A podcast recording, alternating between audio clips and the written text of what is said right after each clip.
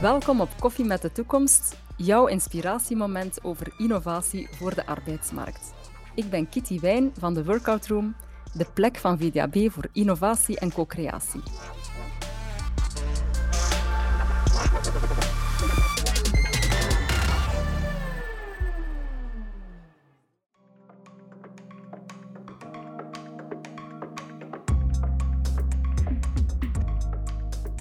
Vandaag hebben we Bart Derre op bezoek. Bart, jij bent de man die wij zoeken. Jij hebt heel veel patches op. Je geeft les in ondernemerschap. Je bent directeur van het Centrum voor Ondernemen aan de Hoogent. Je bent onderzoeker in ondernemerschap aan de Universiteit in Eindhoven. Daarnaast heb je ook nog een eigen bedrijf dat andere bedrijven helpt tot ondernemende organisaties te worden. En daarover heb je ook nog eens een boek geschreven. Dat is dus echt wel, uh, je kan jezelf echt expert noemen. We zijn heel blij dat we jou vandaag over ondernemerschap uh, kunnen interviewen. Dank je. Net zoals ondernemers ben ik voortdurend aan het leren en bijleren. Dus expert, dat is. Ik leer nog elke dag bij. Dus ook van anderen in deze zaal. Uh, ik kan een aantal puzzelstukjes hopelijk bijbrengen en een aantal nieuwe inzichten. Maar ik hoop dat ik vooral een aantal vragen kan triggeren bij de deelnemers. Oké, okay, ben benieuwd.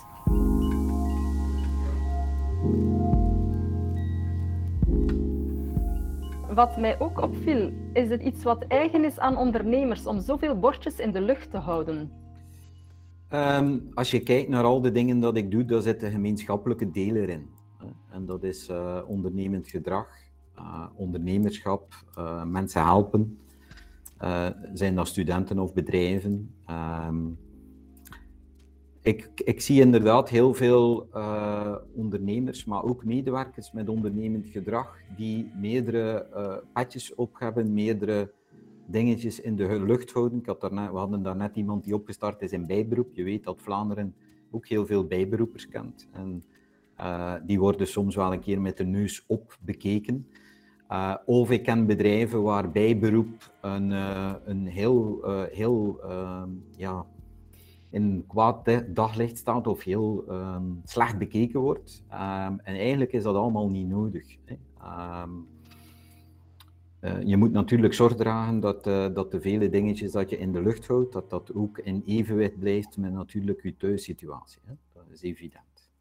En gebeurt het dan al eens dat er een bordje naar beneden valt? En hoe ga je ja, dan met tegenslagen om? Dat is uh, absoluut in onzekere, dat is ook uh, waar we straks toe komen. Hè. Ondernemerschap is uh, per definitie onzekerheid. Hè. en dat onderscheidt zich van management en risicomanagement in het, in het belangrijkste. Hè. ondernemerschap is ja, ook falen. Hè. en hopelijk leren, ondernemend leren uit het falen om niet meer hetzelfde te doen of niet meer in dezelfde val te trappen. Maar denken dat je als ondernemer of als entrepreneur uh, nooit zult, zult falen of een fout maakt, dat is er niet zo. Ik ken er heel weinigen die nooit uh, een tegenslag of een bordje laten vallen, zoals dat je het noemt.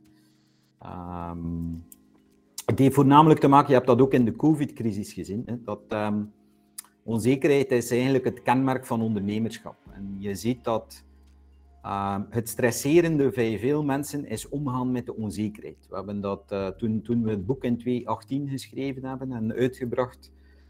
Uh, dan vond iedereen dat een fantastisch geweldig idee, maar eigenlijk niet van toepassing. In de zin dat de meeste bedrijven, grote bedrijven, zijn, we, we hebben alles onder controle, we hebben alles, alles is netjes gestandaardiseerd, we hebben procedures, protocols. En eigenlijk zeiden ze daarbij, te veel ondernemend gedrag is nu ook weer niet goed. Dus die zei af en toe off the record. Uh, en sommigen zeiden van, Bart, als we te veel ondernemend gedrag uh, stimuleren, wat gebeurt er als ze weggaan? Hè? Uh, als ze voor zichzelf beginnen. dan betalen we eigenlijk mensen om weg te gaan. Dus ehm, het zit hem voornamelijk in die onzekerheid. En ondernemen is omgaan met onzekerheid de COVID is langsgekomen en we, we hebben gezien dat, dat die onzekerheid is een enorm stresserende factor. En je zag dat mensen dan, je hebt groepen van mensen die dan zekerheid zoeken in allerlei ja, mensen die luid denken de waarheid uh, te roepen. Hè. Uh, je zag ook uh, de bubbels op social media, het, het persistent in, in fake news bubbels. en, en ja, dat is typerend ook. Je ziet dat mensen zoeken zekerheden en omgaan met onzekerheden. Dat is toch wel een van de kernelementen naar ondernemend gedrag en ondernemerschap. Oké, mooi. Straks gaan we zeker nog daarop terugkomen. Ik heb ook een polvraag voor het publiek. Wie is overtuigd dat er in elke medewerker een intrapreneur of een ondernemer schuilt?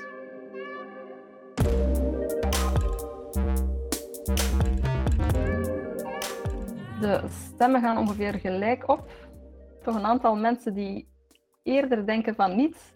Eh, mijn overtuiging is dat ehm, wat betreft ondernemend gedrag, dat uh, elke mens, elke medewerker uh, ondernemend gedrag kan stellen. Hè.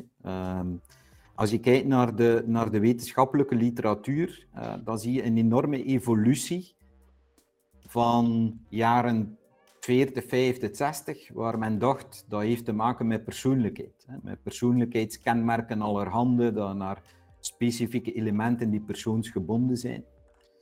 Als we kijken naar de laatste jaren en goed onderzoek, longitudinaal ook, dan weten we eigenlijk dat je ondernemend gedrag kan aanleren. En ik ben natuurlijk akkoord dat, dat de mate waarin ondernemend gedrag, dat er daar variabiliteit in zit. Dat, dat inderdaad mensen met er zijn persoonlijkheidskenmerken die wat zullen helpen. Hè. Ehm, maar we zien ook in de hogeschool, we hebben ondertussen uh, eh, 1500 studenten de laatste negen jaar zien passeren uit alle opleidingen op niveau van bachelor. We monitoren die pre- en post-opleiding met een handse batterij van vragen, maar we, zien, we kijken ook kwalitatieve data na. En we zien dat, dat, er, dat die beweging kan gemaakt worden. Je hebt quasi geen studenten waar dat niet mogelijk is. Dat is natuurlijk een andere vraag als je zegt, ik kijk in mijn organisatie en ik zie mensen die geen ondernemend gedrag stellen. Absoluut. Uh, maar we weten allemaal, denk ik, dat zijn hier allemaal HR-professionals of mensen die veel verstand hebben rond uh, organisatiegedrag. Je weet dat organisatiegedrag, dat uh, ook ondernemerschap trouwens, dat dat functie is van het individu en van de context. Um, als we kijken naar uh, intrapreneurship, dan weten we, hè, we hebben dat in dat boek ook duidelijk beschreven, dat uh, de ene organisatie buiten de andere organisatie wel andere contexten heeft waarbinnen dat mensen wel of geen ondernemend gedrag verstaan. Misschien een anekdote. Ik heb een van de strafste anekdotes dat ik ooit meegemaakt heb. Dat was een bedrijf, dat is ondertussen tien jaar terug. En dat was een low-cost speler uh, die paté maakte paté voor de UK. En ik weet niet of je dat weet, maar in de UK hebben ze nog paté in glazen potjes. En uh, low cost, ja, uh, spelers zoals, ja, die, die, dat is in Vlaanderen niet meer te doen. Dus die bedrijfsleider eh, was naar een sessie geweest en had daar Tracy en Wiersima. En hij zei, ik moet productleader worden. Dus hij, hij neemt een aantal mensen aan die R&D doen, hè, innovatie. Maar ik krijg die paté niet, kwalitatief in orde. Dus hij, noemde, hij vraagt aan ons van, kun je hier iets mee doen? Want ik heb hier eigenlijk honderd mensen waar dat niks mee kan aanvangen. Ik zeg, ik kan dat niet geloven. Nee, zegt hij, dat is echt ondernemend, eh, dat, gaat niet. Ik zeg, oké. Dus hij vraagt, wat is het belangrijkste proces in uw bedrijf? Dus hij duidt dat proces aan. Ik zeg, kijk, ik wil graag met die mensen praten. Hij vond dat al verdacht, dat je met mensen op de werkvloer moest praten. En ik vraag altijd aan mensen, de eerste vraag, wat is uw hobby? Dus die eerste ook daarin, ik zeg die gast, een jaar of vijftig, ik zeg, wat is uw hobby? Die gast zegt, paté maken. Ik dacht eerst dat het met mijn voeten te rammelen was. Hè, dat hij... En effectief, hij deed dus als hobby, hij had zijn garage HACCP-conform gemaakt en hij maakte innovatieve paté met allerlei bier enzovoort. Dus ik daag iedereen uit die hier nu gezegd heeft niet, vraag een keer aan uw mensen wat ze doen aan een hobby. En je zult versteld staan wat dat mensen doen aan hobby, hoe dat mensen een, een, een gezin rondkrijgen als dat geen ondernemend gedrag is. Ik ken weinig mensen die geen ondernemend gedrag vertonen. Wat ondernemerschap betreft, we weten in Vlaanderen dat de, de omgeving waarin dat je moet opstarten, ja, dat is een uitdaging. Hè? Ehm, we, hebben, we hebben jaren met uh, Vlaanderen meegedaan aan de GEM-studies, uh, waarbij men wereldwijd kijkt naar de verschillende elementen die een rol speelden. We zien dat Vlaanderen effectief al een aantal remmen heeft. Hè. En onze belangrijkste rem, ja, dat weet iedereen, hè. dat is de arbeidswetgeving, de verschillende statuten die er zijn, uh, de houden kooi dat we hebben, enzovoort, enzovoort. Dat weerhoudt heel veel mensen om op te starten. Ja, kijk gerust naar de cijfers in bijberoep, hè. dan ga je al een verschil zien. Dus inderdaad, ik ben uh, ondertussen 50 jaar en ik, uh, ik zit al een eentje in, in, uh, in de omgeving. ik zie inderdaad in heel veel bedrijven geen ondernemend gedrag, maar als je met de mensen praat, wel. Dus ik ben inderdaad overtuigd dat elke medewerker ondernemend gedrag kan vertonen in elk soort organisatie, verpleegkundigen, tot schrijnwerkers enzovoort. Ik ben eigenlijk zelf van basisopleiding lang, lang geleden verpleegkundige. Als ik dat zeg, de mensen geloven dat niet. Ik, ik ga nu aan de Technische Universiteit een proefschrift afronden. Uh, om u maar te zeggen dat wij in Vlaanderen, en iedereen weet dat hier, hè, ook in aanwerving, we, we, denken nog veel te veel in hokjes en te wij, veel te veel in, hè, ik durf het bijna niet gebruiken, omdat ik weet dat het wetenschappelijk gecontesteerd is, in fixed mindset. Hè. Ik weet dat er wetenschappelijk gedoe is rond die growth mindset, maar we zijn ja, we hebben toch in Vlaanderen, in, in vergelijking met Nederland bijvoorbeeld, waar ik ook uh, toch vaak kom, je ziet daar toch een groot verschil. Dus vandaar een warme oproep aan al die mensen hier in de zaal om, om ook dat ideeëngoed echt te switchen. Want ik hoor dat heel vaak als ik in bedrijven kom. Managers die mij zeggen, Bart, dat is toch een zaak van persoonlijkheidskenmerken, je hebt er die dan niet kunnen, enzovoort, uh, enzovoort. Wil dat zeggen dat er hier en daar wel een persistent dat het heel laag zal zijn? Natuurlijk, akkoord. Brengt mij op de tweede polvraag. Ondernemend gedrag bij medewerkers aanzwengelen is een belangrijke topic voor HR-managers.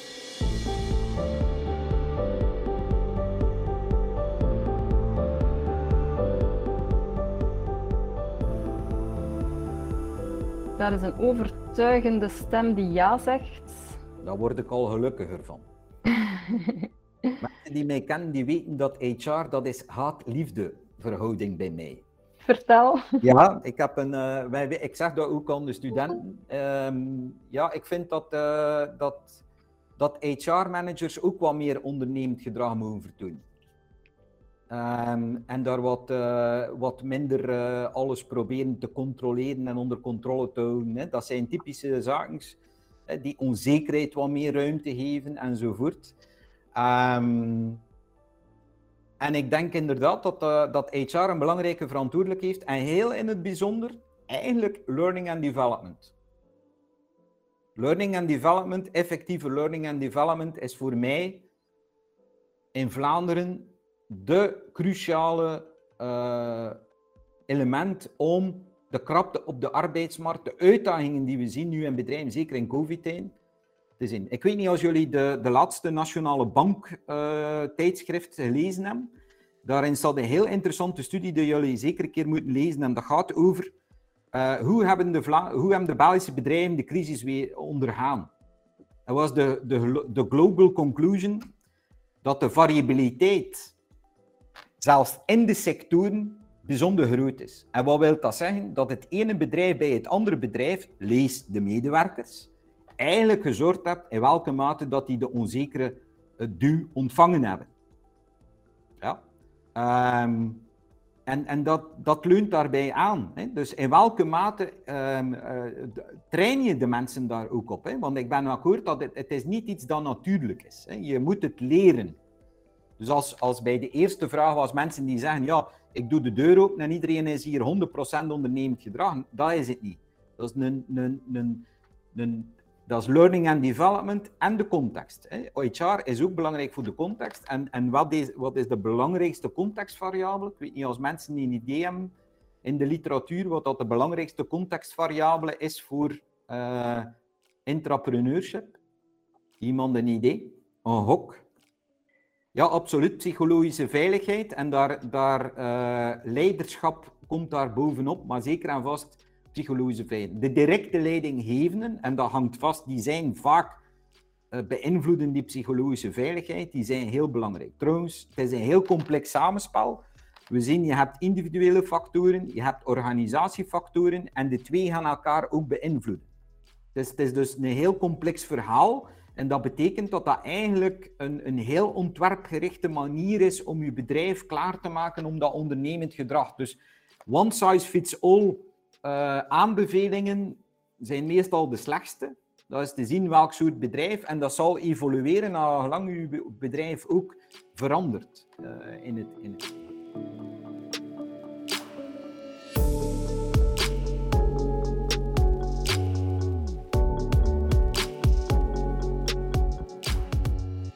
En waarom is het stimuleren van ondernemerschapsgedrag zo belangrijk volgens jou? Ja, omdat, omdat ondernemers, ondernemers, als je kijkt naar uh, de literatuur van hoe evolueren ondernemers, dan evolueren die van novice naar expert.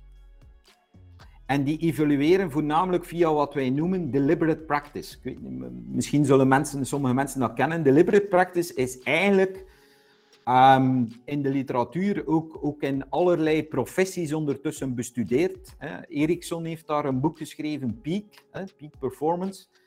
Um, we hebben dat in heel wat gezien en, en heel wat organisaties kennen professionals. Je, je moet eigenlijk zorgen dat, dat doorheen hun carrière mensen daarop specifiek oefenen, trainen. En cruciaal binnen deliberate practice is feedback feedback van experten. Dus kijk naar ondernemerschap is niet ervaring, maar expertise. En expertise is iets anders dan ervaring. Wat weten we uit de literatuur? Heel veel medewerkers die komen op wat we noemen een asymptotische performance. Ondernemers ook. Dus dat betekent, ze komen in uw bedrijf, ze leren een, een, je ziet ze evolueren naar expert en op een bepaald moment komen ze comfortabel in hun functie en bereiken ze een niveau waar dan ze eigenlijk stabiel op blijven. Expert ondernemers en expert performance, die blijven doorgroeien. En dus ondernemend gedrag, ondernemerschap, entrepreneurship is eigenlijk een voortdurend werk van leren. En dat zie je bij expertondernemers. Dat, en, en dus die blijven continu leren. Die blijven continu nieuwe markten opzoeken. Die blijven niet in de status quo hangen. En dat is iets dat je ook moet aanleren. Dus leren, die le het falen? Oh, want als je, je faalt ook, dat is ook leren falen. En zeker dat ondernemend leren, dat, kan je ook katalyseren. Je moet dat, ik stel mij dat vaak voor als, dat is een soort, ja, je, je, trekt iets op hang en een keer als het op hang is, dan zie je dat de mensen zelf regulerend gaan werken. Dus de deliberate practice, om het laatste, mag niet te veel moeilijke woordjes van Kitty gebruiken, anders kijkt ze boos naar mij. Uh, um, maar het is het zelfregulerend leren dat cruciaal is. En dat begrijp je ook, want heel veel bedrijven doen aan, aan, aan training hè, op dit moment pushen, pushen de training. Je hebt eigenlijk medewerkers nodig die die training zelf intrekken naar gelang niveau dat ze op zitten. Dat is bij ondernemend gedrag ook zo.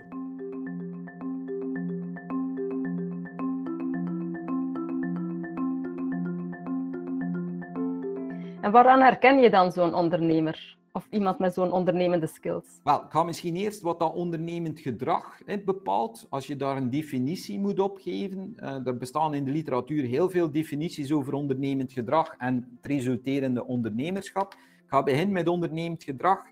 Als je kijkt naar alle definities, dan, dan zijn we op dit moment akkoord dat er ongeveer vier elementen belangrijk zijn. De eerste is opportuniteit. Ondernemend gedrag gaat over opportuniteiten creëren of detecteren.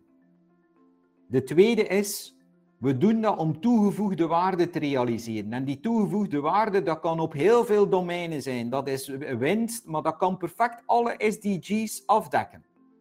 Dus voor mij is ondernemen per definitie anno 2021 sociaal ondernemen trouwens. Dat is niet apart bij mij. De meeste ondernemers dat ik ken, die balanceren dat met elkaar af. En als je dat niet doet, op een bepaald moment wordt je license to operate ingetrokken. Kijk naar 3M.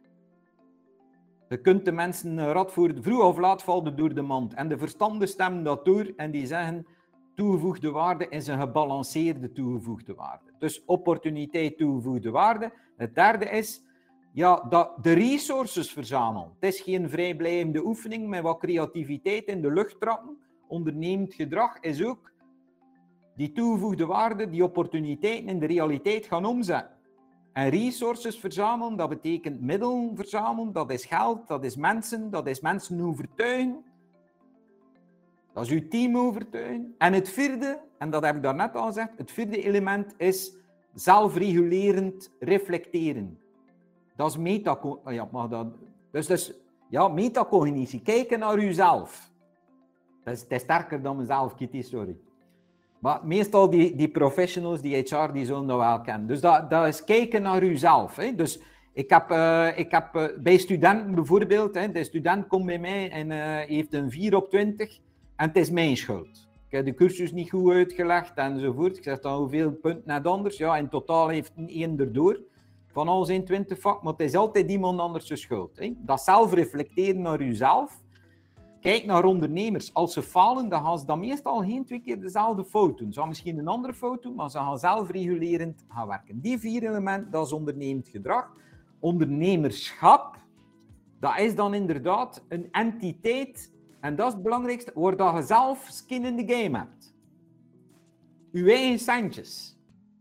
Dat is ondernemerschap. Een entiteit gaan vormen waar je zelf skin in the game hebt. Entrepreneurship ja, dat is dan inderdaad skin in the game. Niet zozeer in uw eigen hand, maar vaak entrepreneurs weten dat. Mensen die zelf ondernemen, dat is dan eigenlijk uw nek uitsteken. En je weet, in Vlaanderen uw nek uitsteken, dat komt soms wel een keer, dat, dat kun je mee in de problemen geraken. Dat is ook zo in bedrijven, entrepreneurs weten dat.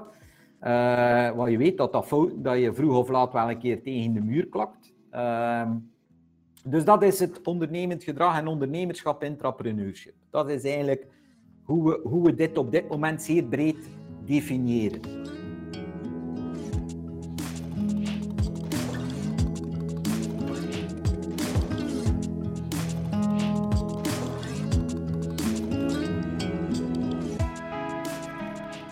Wat is nu eigenlijk de ondernemerskant? Wel, dat past perfect in het verhaal dat ik daarnet ge, verteld heb. De ondernemerschap is een tool dat helpt om jezelf te evalueren waar je op dit moment staat met betrekking tot de belangrijkste competenties onderliggend aan ondernemend gedrag. Ook qua persoonlijkheidskenmerken jezelf in beeld krijgen. En een derde element die erin zit, is kijken hoe je denkt als ondernemer. En dat, dat gaat over effectual reasoning. Uh, en, en wie daar meer wil over weten, ik heb, we hebben samen met Jannik Dillen van de Vlerik een uh, column geschreven in de tijd. Hè. Ondernemen in crisistijd doe je door middel van je koelkast open te trekken. Dat is effectual reasoning. We weten op basis van goed onderzoek dat expert-ondernemers die gaan op een andere manier gaan denken dan managers. En zoals dat wij, de meeste Vlamingen, opgeleid zijn in het onderwijs. Wij denken heel kausaal kunt daar niet aan doen. De meeste uh, ondernemerschapscursussen zijn ook kausaal in Vlaanderen. Um, effectual reasoning is eigenlijk een manier van redeneren uh, hoe dan experten. Dus dat betekent in die ondernemerskant krijg je een, een beeld van jezelf in vergelijking met expert-ondernemers. Waarom hebben we dat gedaan? Omdat de literatuur over, over um, uh, expert performance, die zegt inderdaad van kijk, novice en expert uh, is eigenlijk de, de, de vergelijking dat je hebt als novice ten opzichte van, het, van expert. Dus we hebben de scores, we hebben experten bevraagd. We hebben die scores. Uw score wordt in een bepaald kwartiel ten opzichte van die expert. Dus je weet ongeveer op, op elk van die domeinen hè, hoe score ik ten opzichte van expertondernemers in Vlaanderen. En het, dus de ondernemerskan is geen talent uh, scoringssysteem. Het is niet een, een talent, talentenpredictor, uh, het is echt een instrument die past binnen. We willen ondernemers professionaliseren en we willen in het, in het ondernemerschapsonderwijs mensen van novice to expert doen. Dus dat betekent inderdaad dat we mensen aanmoedigen om op verschillende tijdstippen die ondernemerskant te doorlopen en te kijken van we hebben een bepaalde, we hebben een bepaalde groei wel of niet gemaakt. En voor de aandachtige luisteraars, die beseffen natuurlijk dat, dat wij in het onderwijs gebruik ik dat als kwaliteitsmeetinstrument om te kijken of ik effectief iets aan het doen ben. De belastingbetaler betaalt mij om effectief ondernemerschapsonderwijs te organiseren. Dus die, die, meet, die ondernemerskant is een onderdeel van een veel bredere instrument dat we gebruiken ondertussen vier en vijf jaar, waarbij dat we in, de loop van de tijd dezelfde student verschillende keren meet, kijkt wat dat er met die scores gebeurt. We correleren, we, we verbinden dat ook aan de punten. Dus we weten als het tijd ziet een professionele jury daar ook punten komen. En we verzamelen ook kwantitatieve data met een, een app. Dus dat betekent dat we inderdaad de komende drie jaar dat instrument willen verbeteren. En dat we ook op termijn willen kijken van, ehm, ja, hoe verhouden die verschillende competenties ten opzichte van elkaar? Onze hypothese is dat we zullen uitkomen in gebalanceerde competenties. Ik ga een voorbeeld geven. We weten dat ondernemerschap, ondernemend gedrag, creativiteit belangrijk is. Maar we weten ook als je doorschiet in de creativiteit en te weinig middelenresources, dan blijft het hangen in luchttrap.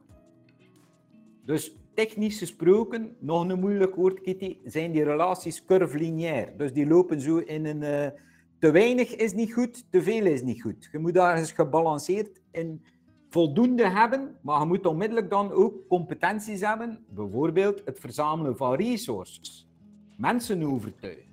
Dus wij zijn op zoek naar hoe, hoe gaan die verschillende competenties elkaar uitbalanceren.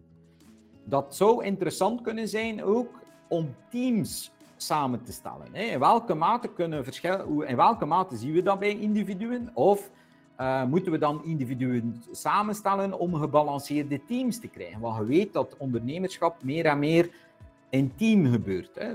Uh, dat is een evolutie die we zien. Hè. Dat is ook in het bedrijfsleven zo. We, we, gaan ook meer in ecosystemen gaan samenwerken.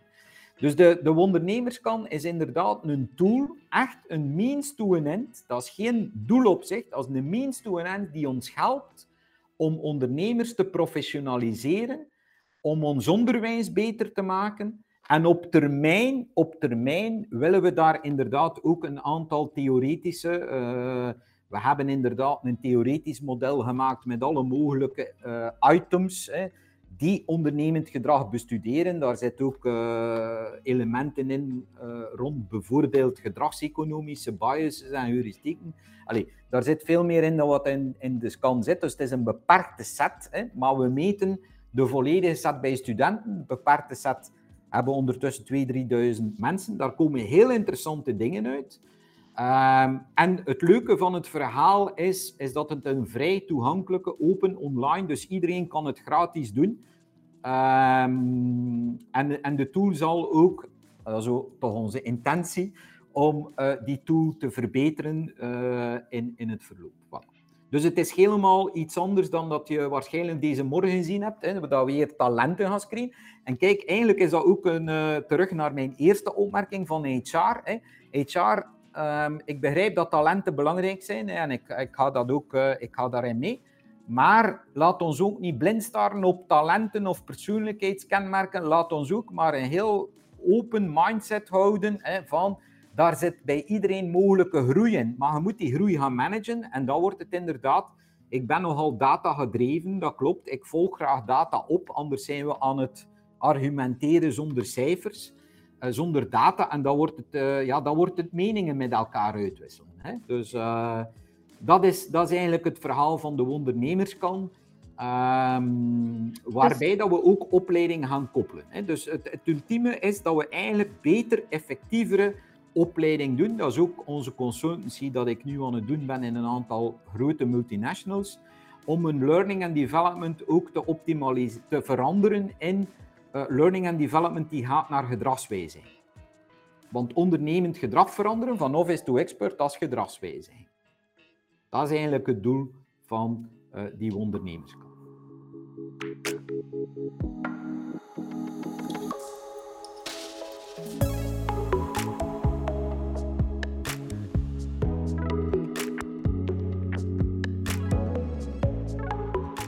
hoor jou zeggen dat het voornamelijk studenten zijn die tot nu toe de test hebben ingevuld. Bij maar ons, wat is ook wel een initiële doelgroep die je voor ogen hebt met deze test? En eh, de degenen die de ondernemerskan hebben eh, doorlopen, dat zijn er ondertussen 2.000, 3.000. Daar zit, eh, dat zijn niet alleen studenten, dat zijn grotendeels mensen die interesse hebben om te starten. Want het is evident dat wij inderdaad binnen de hogeschool gebruiken wij, testen wij studenten. Hè. Maar we gebruiken metingen ook bij medewerkers in bedrijven. Dus eh, dat maakt eigenlijk niet uit, aangezien dat we over novice naar experten die competenties onderliggend ondernemend gedrag, ehm, die zijn grotendeels gekend in de literatuur, eh, die overlappen elkaar. Ehm, dus dat maakt in essentie niet veel uit. Er is geen specifieke schaal voor studenten of voor eh, ondernemers enzovoort.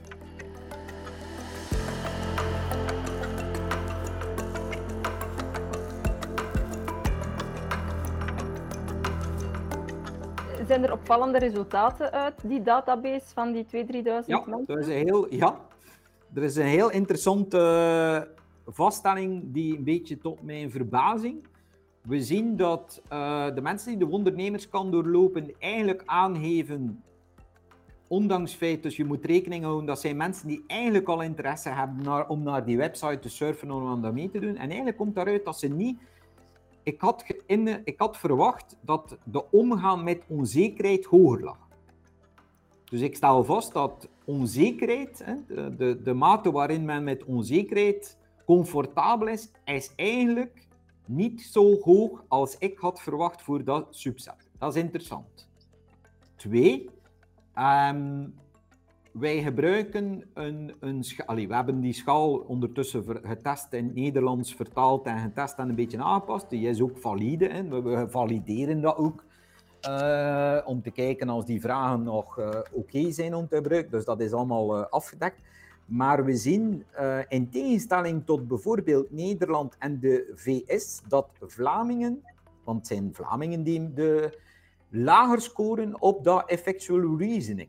En dat vind ik dus bijzonder boeiend. Dus wij zijn veel, ook de expert-ondernemers die wij bevraagd hebben, die scoren eigenlijk ten opzichte in het buitenland lager op dat effectual reasoning. Wacht, dat moet je mij nog eens herinneren. Effectual reasoning, effectual dat was reasoning, reflecterend ja. vermogen. Ja, dus dat effectueel denken, hè, dat is eigenlijk ehm, ondernemersdenken, expert-ondernemers starten eigenlijk hun ondernemend verhaal vanuit wie ze zelf zijn. Wie ben ik? Welke middelen heb ik? En die trekken naar de buitenwereld. En die gaan door middel van allerlei commitments, van allerlei ehm, stakeholders te, te betrekken, die gaan eigenlijk zo naar doelstellingen.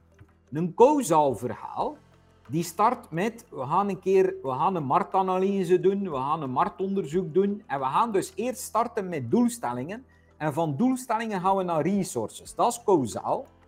We zien dat expert-ondernemers eigenlijk anders denken. Die starten vanuit resources en die gaan naar doelstellingen. Ik zeg het nu een beetje dichotoom. In de echte wereld begrijpen we wel dat die twee elkaar opvolgen. Het, het, wederom is een balans. Maar het is bijzonder, en dat, dat is ver, allee, de collega's aan de Hogeschool van Amsterdam die doen die metingen met hetzelfde instrument bij hun studenten. De eerste resultaten tonen aan dat Nederlanders daar iets scherper in zijn. En ik moet eerlijk zeggen, ik had eh effectual reasoning. ehm, ja, in, in de universiteit in eh, Eindhoven is dit eigenlijk de standaard manier om bij ingenieurs ondernemerschap te bewandelen. In Vlaanderen starten de meeste met eh, segmentatie, klantenbehoeften, ehm, financieel plan eh, enzovoort. Ehm, en bij effectual reasoning is ook zo dat eh, men start met een belangrijk principe affordable loss. Dat betekent dat expert-ondernemers die gaan kijken van wat, wat kan ik hier mogelijk inzetten en wat ben ik bereid om te verliezen, in plaats van te gaan nadenken over wat zijn de mogelijke opbrengsten.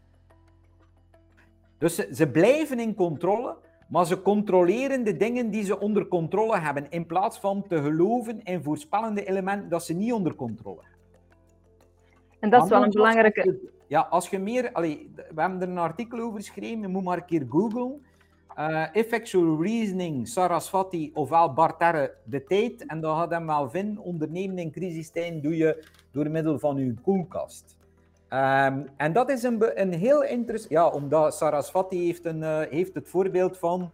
Hè, je bent thuis en uh, je, je hebt vrienden uitgenodigd. En je hebt een menu klaargemaakt. Je hebt, uh, hoe noemt ze daar, bakkerie of een kookboek opgeslaan. Je hebt alles ingrediënten genomen. En je stuurt een WhatsAppje en je zegt rond vijf uur s'avonds... Ah, we, we zien nu elkaar straks. Hè? En de mensen nog uitgenodigd hebt, die zeggen tegen u... Ja, ja, we komen, maar zijn niet vergeten dat ik allergisch ben aan X. Ja, laat dat nu net overal in zitten en al wat je gekookt hebt. Wat doe je? Dus je hebt mensen die gaan panikeren en zeggen, ja, we moeten die afspraak verzetten. Er gaan er misschien zijn die zeggen een echtgenoot naar de, de winkel sturen of het andere ding. Of andere mensen, zegt Saraswati, die trekken hun koelkast toe, die kijken wat zit er in mijn koelkast, resources, en die beginnen eraan. Kijk een keer goed wat er in COVID gebeurd is. Heel veel mensen die snel boven die hebben hun koelkast opengetrokken. Ik ken heel veel kleine ondernemers die geen online shop hebben en die zijn beginnen experimenteren. Die hebben gezegd, we hebben een Facebook, we hebben een camera, we gaan beginnen foto's trekken en dat op Facebook. We hebben geen echte shop, maar we gaan daarmee beginnen. Dat is, dat is hoe, dat, hoe dat... Dus versta je, dat is een heel andere manier van redeneren. Dat blijkt op dit moment, ik zeg het even onder voor, allez, we zijn, ik wil dat wel al heen, dit is interessant om op te volgen. Waarom is dat? Omdat je mensen ook kunt trainen in effectual reasoning. Dat is ook wat we in Eindhoven doen. Uh, waarom? Omdat dat daar allemaal ingenieurs zijn. Dus die hebben die resources in handen. Die hebben iets om mee te vertrekken. Uh, en het is een heel andere manier dan dat wij in Vlaanderen, ook ik, gewoon ben om te doen om, om in die cursus. Op dit moment, Google maar, er is geen enkele uh, die een cursus effectual uh, ondernemerschap of dat dat uh, echt uitbouwt met de vijf principes. Dus dat is iets interessants. en vandaar dat we dat gaan meenemen en kijken van inderdaad, kunnen we daar een leemte, kunnen we daar bijdragen om ons ondernemerschapsonderwijs beter te maken, om inderdaad te zorgen dat onze 16.000 studenten allemaal beter afstromen met meer ondernemend gedrag. Eén, onze studentondernemers beter gewapend zijn. En Xerius, als onze partner, hun missie is, we willen professionaliseren van ondernemers. En dus vandaar dat we elkaar gevonden hebben uh, om dat uh, te doen. Wij hadden niet de resources, dat is typisch ook effectual. Wij hadden niet de resources om een online platform te vormen. Zij wel. We hebben elkaar gevonden we hebben daar niet, moet zeggen, we hebben daar niet lang over. Uh, dat, en dat heeft ook ondernemers, je ziet, het menselijke element is heel belangrijk. Hè? Uh, je ontmoet en, en, je praat en, en je, je, maakt nieuwe commitments en je vindt nieuwe mogelijke goals. Hè? ja, dan krijg je natuurlijk op het moment dat de contracten moeten gemaakt worden, dan zegt de juridische dienst van bij ons en, en hun jury, dan begint het spel, dan begint terug pauzaal. Maar dan moet je als ondernemend gedrag proberen dat, dat, dat uh, te overstijgen. Hè? In plaats van eerst te denken, oei oei, als wij samenwerken moet dat wel juridisch en, uh, en ja, hoe zit dat nu juist en hoe gaan we die inkomsten verdelen? Dat is onze bezorgdheid niet geweest. We zijn aan de slag gegaan met een, opportun een challenge. We hadden resources, wij hadden de kennis, zij hadden de technologie. We vonden elkaar in een collectieve ambitie en we gingen. Misschien het laatste, en daar heb ik daarnet misschien onvoldoende benadrukt, ik ben ook meer en meer overtuigd dat als je dat in je bedrijf wilt doen, en ik ben blij dat Noël dat er net zei, hè, start met de goede collectieve ambitie. Start met de collectieve ambitie waar de waarden en normen duidelijk zijn. Als je dat hebt, dan gaan je entrepreneurs niet weglopen. Dan wordt het geen Spaanse herberg. Dan gaan de mensen toegevoegde waarde zoeken in uw collectieve ambitie. Dat is iets vaak dat, onder, managers mij vragen. Hè. Trouwens, Trouwens, uh, wat persoonlijkheden, managers en ondernemers, die verschillen significant. Hè? Doorheen alle wetenschappelijke literatuur. Hè? Dus als uh, de, de managers ten opzichte van ondernemers, ja, als we over persoonlijkheden bekijken, daar zit, daar zit inderdaad uh, een verschil. Maar er is goed nieuws, managers kunnen dat ook aanleren, uh, ondernemend gedrag. Dus vandaar dat ik zeg, hè, voorbeeldgedrag is belangrijk. In, het, in het verhaal. Maar die collectieve ambitie zorgt er dan inderdaad voor dat mensen geen, ja, hoe moet ik zeggen, niet beginnen ondernemen op eigen rekening, dat ze niet weglopen, enzovoort. Hè. Dat, dan, dan wordt het ook geen Spaanse herbed. Het is die collectieve ambitie die dat samen houdt. En om af te ronden, dan moet ik nog in, inbrengen, Kitty, hè. dat is onze laatste column. Hè. Dan krijg je ook dat loyaal tegen draadsgedrag. Ondernemers zijn loyaal tegen draads. En dat is ook wat een intrapreneur per definitie voor mij is. Als je een goed collectieve ambitie hebt, dan zal die opportuniteit zoeken om, om dan zal die opportuniteit zoeken om die toegevoegde waarde in lijn met die collectieve ambitie te, te, te, proberen te krijgen. Hè? Um, en bedrijven hebben soms de, de, het, ja, hoe groter dat je wordt, hoe, hoe meer uh, procedures en ja, hebben we soms de neiging om die toegevoegde waarde dat we aan onze klanten, aan onze belangrijke stakeholders moeten geven om die een beetje uit het oog te verliezen. En het zijn die entrepreneurs die dan tegendraads, ja, doorheen de procedures, toch die toegevoegde waarde gaan realiseren. Hè. Computer says no. Hè. De ondernemer die gaan zeggen, ja, maar ja, dat gaat hier niet en we moeten een oplossing zoeken en, en uh, ik weet wel regel X, Y en Z, maar we gaan uh, daar die uh, ja, proberen die toegevoegde waarde te realiseren. Dat is eigenlijk de, de link die we gemaakt hebben hè, naar dat loyaal tegendraadse en dan ondernemen, dat past perfect bij elkaar.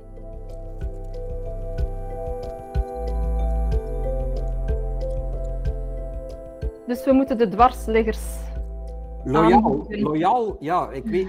In het team. In Nederland, men, ik heb een hele discussie, we hebben het ook gepubliceerd in het Eindhoven's Dagblad. En de Nederlanders die zijn tegen mij, ja, tegen draad, zei Bart, dat kunnen niet gebruiken. Dat is heel negatief. Maar ik bedoel dat niet negatief. Tegen draad bedoel ik, hè, we weten allemaal in een bedrijf, we zitten in een vergadering en allemaal, met uitzondering van degene die van voren zit, weet dat het een slecht idee is. Maar wie steekt, daarnet was psychologische veiligheid, wie steekt zijn hand omhoog? Ja, aan de koffiemachine het doen. En thuis gaat iedereen wel zeggen, maar jongens, toch wat een onnoezel idee is dat toch? En om een of andere reden blijven die onnoezel ideeën maar behouden. Maar naar we gaan zelfs in procedures schieten. Ja, dus dat, dat is inderdaad loyaal tegen draads. Hè? Niet tegen draads om tegen draads, maar loyaal in lijn met je collectieve ambitie. Maar je moet natuurlijk een collectieve ambitie hebben. Hè? En geen zoals 3M. Hè? Pas op, ik, had, ik vind dat heel jammer trouwens. 3M was eigenlijk een, een verhaal die wij heel vaak gebruikten. Hè? Die, ja, die hebben eigenlijk qua entrepreneurship eigenlijk wel een track record. Dit is uh, zeer jammerlijk hoe dat ze dat Eigenlijk hadden ze moeten loyaal tegendraadse mensen hebben die hen zeiden intern van jongens, hey, dit kan niet. Hè? Dit gaat een veel schade kunnen voorkomen uh, in, het, in het verhaal. Hè? Dus dat, dat uh, loyaal tegendraad, ondernemend loyaal tegendraad. Ja.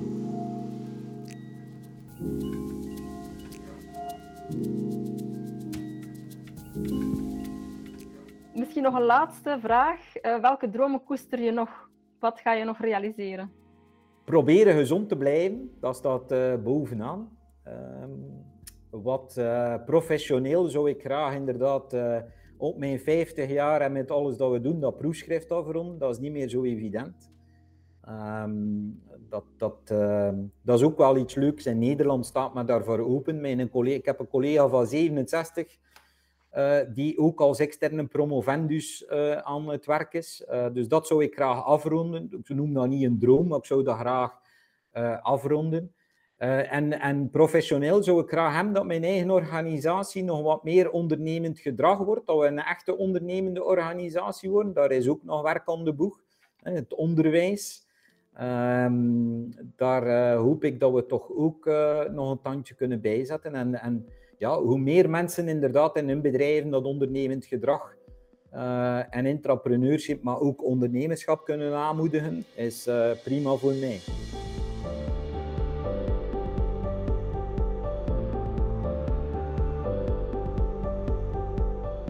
Iemand vraagt ook nog waar het verschil zit tussen de ondernemerscan en de Antre Spiegel. Ja, dat is een hele goede vraag. Uh, Antre Spiegel ehm, is een heel goed instrument. Uh, die ondertussen, uh, dat is eigenlijk een, een zeer goed instrument dat ook de VDAB gebruikt. Um, wij hebben, wat Andere Spiegel niet meeneemt, dat zijn persoonlijkheidskenmerken. Het zijn volledige competenties. Um, en wij hebben ook wat meer aandacht besteed aan een aantal. Het effectual reasoning zit er ook niet in, uh, in de Andere Spiegel. En in de ruime uh, competentieset heb ik meer aandacht besteed hè, in uh, de metacognitie, cognitieve adaptabiliteit, self-efficacy. Um, ja, ik weet dat VDAB en Sintra Antrospiegel gebruiken. Ik heb die studies ook allemaal gelezen, dus ik ken ze allemaal. We hebben die ook uh, bij het ontwerpen van de, van de competentielijsten, hebben we ook um, ehm, Antrecomp uh, als Europees model. We hebben Antrospiegel, die overlappen elkaar. Hè? Dus daar uh, is het verhaal. Um, het is, um, kijk, dat is ook wat we moeten leren, denk ik, op elkaar schouders bouwen. Hè. We hebben daar ook die referenties in gestopt trouwens. Maar we hebben die ook aangepast hè, in, in functie. Dus als je valideert, hè, dan door, door complexe uh, statistiek uh, te gebruiken, komen wij tot de vaststelling dat een aantal uh, vragen anders loden. We krijgen een aantal andere dimensies. Um, maar ik weet dat dus het, het, specifieke publiek waar het VDAB hanteert, dat waren niet studenten, hè, niet studentondernemers en niet zozeer naar entrepreneurship. Het was voornamelijk hè, richting uh, het verhaal van inderdaad willen mensen ondernemers worden. Ja. Wat is een heel goed instrument. Trouwens, Anterspiegel is beter gevalideerd dan de Antercomp die vanuit Europa komt. Dus uh, ja. Dus ik zie daar ook geen enkele competitie in, uh, in het verhaal. Uh, het is een ander verhaal. Wij hebben een instrument waarbij dat je eigenlijk longitudinaal, verschillende malen in de loop van de tijd, hè, die, veel, die het ook aftoetst ten opzichte van expertondernemers. Dat doet de Anterspiegel ook niet. Okay, maar nogmaals, het is geen afname van een of andere schaal. Ik hou daar niet van. Ik ben nogal iemand die heel eclectisch te werk gaat. Um, en, en eigenlijk um, ja, zeer breed uh, probeert nieuwe dingen uh, te ontwikkelen. Ja. Dus je kan ze perfect uh, terzelfde tijd gebruiken of proberen een keer naast elkaar te leggen. Dus dat maakt, dat maakt eigenlijk niet uit. Oké, okay, dankjewel Bart. Dat was een hele boterham. Uh, dankjewel ook aan het publiek om aanwezig te zijn.